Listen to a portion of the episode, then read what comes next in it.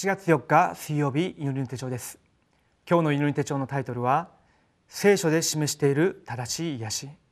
聖書の箇所はヨハネの19章20節です。それで大勢のユダヤ人がこの罪状書きを読んだ。イエスが十字架につけられた場所は都に近かったからである。またそれはヘブル語ラテン語ギリシャ語で書いてあった。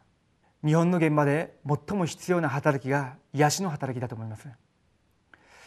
多くの知識人エリートたち一般の方々でも自分自身にある精神的な問題不治の病また、えー、神経から来るそういった病気そういったものゆえに宗教的な行為に走ってみたり瞑想してみたりありとあらゆる方法で何とかして癒そうとしている人たちがたくさんいます。今まで日本のタラパン教会の中でも本当に重要な働きが起きたという教会は青少年とかあるいは既成の世代の人たちの中で福音を聞いて持っていた精神的な病気が癒された。そういったケースも多々あります。本当に日本の現場でイエスがキリストであること復活されたキリストが今でも生きて働いていらっしゃる証拠が伝道現場で継続して明かしされるんであればその地域で代表的な教会にもなり得るでしょう。正式な癒しが日本の現場でなされるように祈りながら今日の祈りの手帳を読んでいきたいと思います。では本文を読み進めていきたいと思います。多くの人が宗教と偶像崇拝に陥っています。しかしそのような人生の後にどのような結果がもたらされるのかを知る人はほとんどいません。聖書は神様ではなく偶像に仕えると必ず呪いと災いを受けると記されています。ここから抜け出して神様の祝福の中に入ることが福音です。福音を正しく理解して悟ると呪いと災いから抜け出して神様の子供になります。しかし以前の宗教生活と偶像文化の中で生きていた私たちには福音の中で新しくなる癒しが必要です。そのため癒しの働きはとても重要な伝道運動です。それならば正しい癒しとはどのようなものなのでしょうか。一つ目です。根本的な癒し。キリストが全てを成し遂げられました。これはキリストが全ての問題を十字架で解決され私たちの問題を完全に終わらせたという意味です。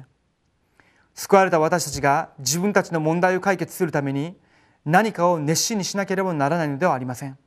すでに私たちの問題はキリストが解決されましたし私たちには問題や悩みが多くありますが悩む必要がありません。キリストが私たちのすべての問題を完全に終わらせられました。この事実を信じるとき私の周りの暗闇の勢力が去ります。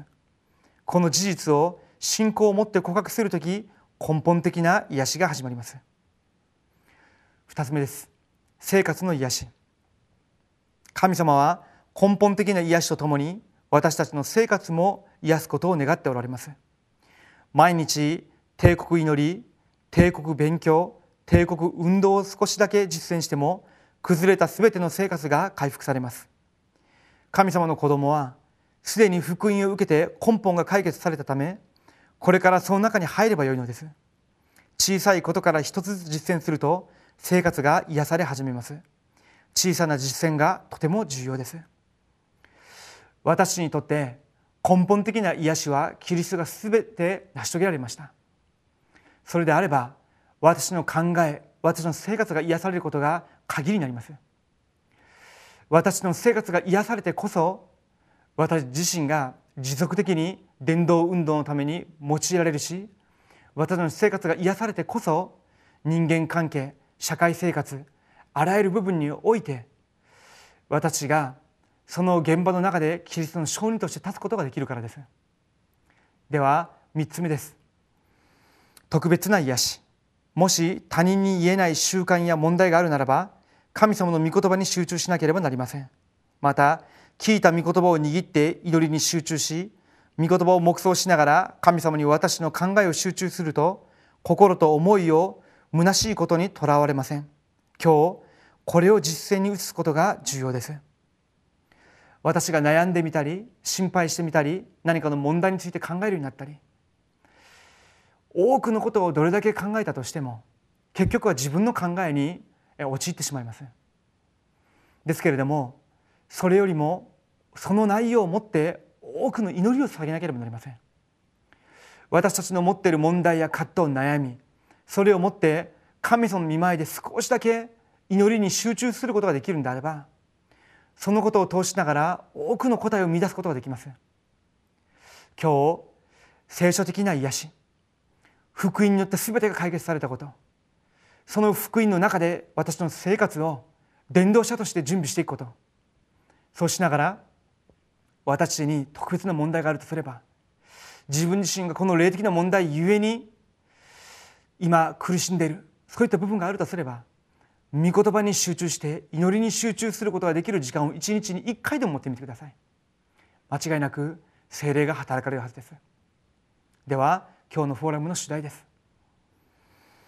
どうすれば癒されるでしょうか？私に望んでいる福音の力を黙想し御言葉を深く黙想すると癒されます。祈りの中で静かに今日の私の生活を計画しましょう。お祈りします。生きとられる神様に感謝を下げます。神様が私にキリストを送ってくださりキリストが私の罪と呪いとサタンの権威を打ち砕き私たちに神様に帰る道を開いてくださったことを感謝します。キリストが私のすべての問題を十字架につけ復活され今精霊で私たちの中に私と共に私の行く現場現場ごとに働いてくださる恵みに感謝を下げます。今日も私たちがこの契約を握って祈る時間時間ごとに全ての闇が打ち砕かれていき神様の子供として与えられている身分と権威を持って自分自身の生活を癒していく恵みの中に入らせてください。自分自身に霊的な問題があればその部分を持って落胆するのではなくて御言葉と祈りに集中することができる神様の恵みに預からせてくださり今まであった私の苦しみが日本の現場で全世界の現場でキリストを明かしする証拠となるようにしてください。